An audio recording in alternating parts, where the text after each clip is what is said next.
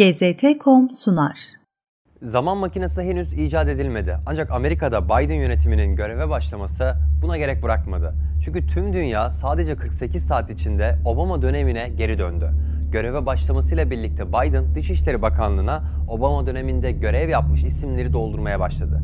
Dışişleri Bakan Yardımcılığı görevi için Obama döneminde İran'la nükleer müzakereleri yürüten Wendy Sherman, siyasi işlerden sorumlu bakanlık müsteşarlığı içinde yine Obama döneminde Dışişleri'nin Avrupa'dan sorumlu müsteşarı Victor Adılan aday gösterildi. Obama döneminde Beyaz Saray Ulusal Güvenlik Konseyi'nde önemli görevler üstlenen Ned Price ise yeni hükümetin bakanlık sözcüsü olacak.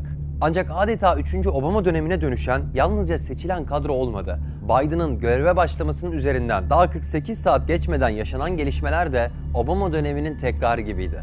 Propagandanın bu bölümünde Biden'ın göreve başlamasıyla eş zamanlı olarak yaşanan baş döndürücü 48 saati anlatalım. Biden'ın yemininden birkaç saat sonra Irak'ta gerçekleşen çifte intihar saldırısı ile ismini uzun süredir duymadığımız DAEŞ tekrardan dünya gündemine girdi. 32 kişinin yaşamını yitirdiği saldırı ardından Irak Ortak Harekat Komutanlığı Sözcüsü Tümgeneral Tahsin Hafaci bir açıklamada bulundu.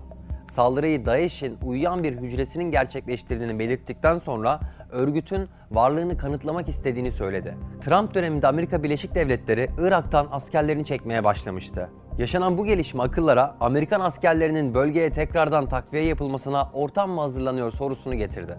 Ancak tekrardan Obama dönemini yaşayan yalnızca Irak değildi. Aynı 48 saat içinde daha ilginç bir gelişme yaşandı. Rusya'da. Hatırlayacağınız üzere Ukrayna'da NATO destekli darbe yaşandığı ve iç savaş çıktığı süreçte Biden, Obama yönetiminin başkan yardımcılığı görevini yürütmekteydi. Aslında Ukrayna üzerinden sürmekte olan Rusya ve Amerika Birleşik Devletleri Soğuk Savaşı'nın çatışmalara dönüşmüş haliydi. Ardından gelen Trump yönetimi Rusya ile dost olmadı ancak çatışmalar da eski şiddetini yitirdi. Hatta pandemi sürecinde büyük bir dayanışma ortaya çıktı. Fakat koltuğu Biden'ın oturması bu neredeyse kapanmış meseleyi tekrar açtı. Önce Amerikan medyası hiç vakit kaybetmeden Rusya ve Amerika Birleşik Devletleri arasındaki gerilimi arttıracak haberler yayınlamaya başladı. 19 Ocak'ta yayınlanan bir haberde CNN, kongre baskını sırasında çalınan laptoplardan birinin Rusya'ya satılmış olabileceğini söyledi.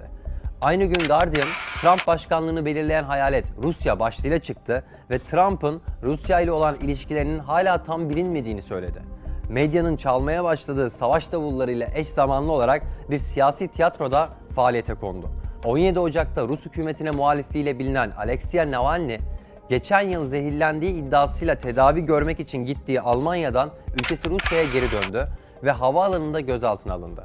Navalny Rusya'dan ayrılmadan önce zimmetine para geçirme ve dolandırıcılık suçlamalarıyla karşı karşılaydı ve süren davalar sebebiyle haftada bir emniyete imza vermesi gerekiyordu.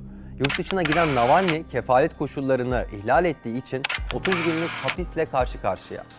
Evet yıl, ay ya da hafta değil sadece 30 gün. Ancak bu durumu fırsat gören uluslararası medya Navalny'yi Nelson Mandela gibi sunmaya başladı. Biden'ın göreve başladığı 20 Ocak'ta Avrupa Parlamentosu Rus boru hattı projesinin durdurulması ve Rusya'nın Navalny'yi tutukladığı için cezalandırılması gerektiğini duyurdu. Bu boru hattının kapatılması Avrupa pazarını Rusya yerine Amerika Birleşik Devletleri gazını almaya zorlamak anlamına geliyor. Biden'ın göreve başlamasından bir gün sonraysa Avrupa İnsan Hakları Mahkemesi 2008'de Güney Osetya'da 5 günlük savaş sırasında Rusya'yı savaş suçu işlemekle suçlu bulduğunu açıkladı. Rusya elbette bölgede savaş suçu işlemiş olabilir ancak tesadüfe bak ki mahkeme 13 yıl beklemiş, düşünmüş ve tam da Biden'ın göreve başlamasının ertesi günü böyle bir karara varmış. Yine bu olaylara eş zamanlı şekilde batılı uzmanlar ve Rus ünlüler Navalny'yi desteklemek için sokak gösterilerini teşvik etmeye başladı.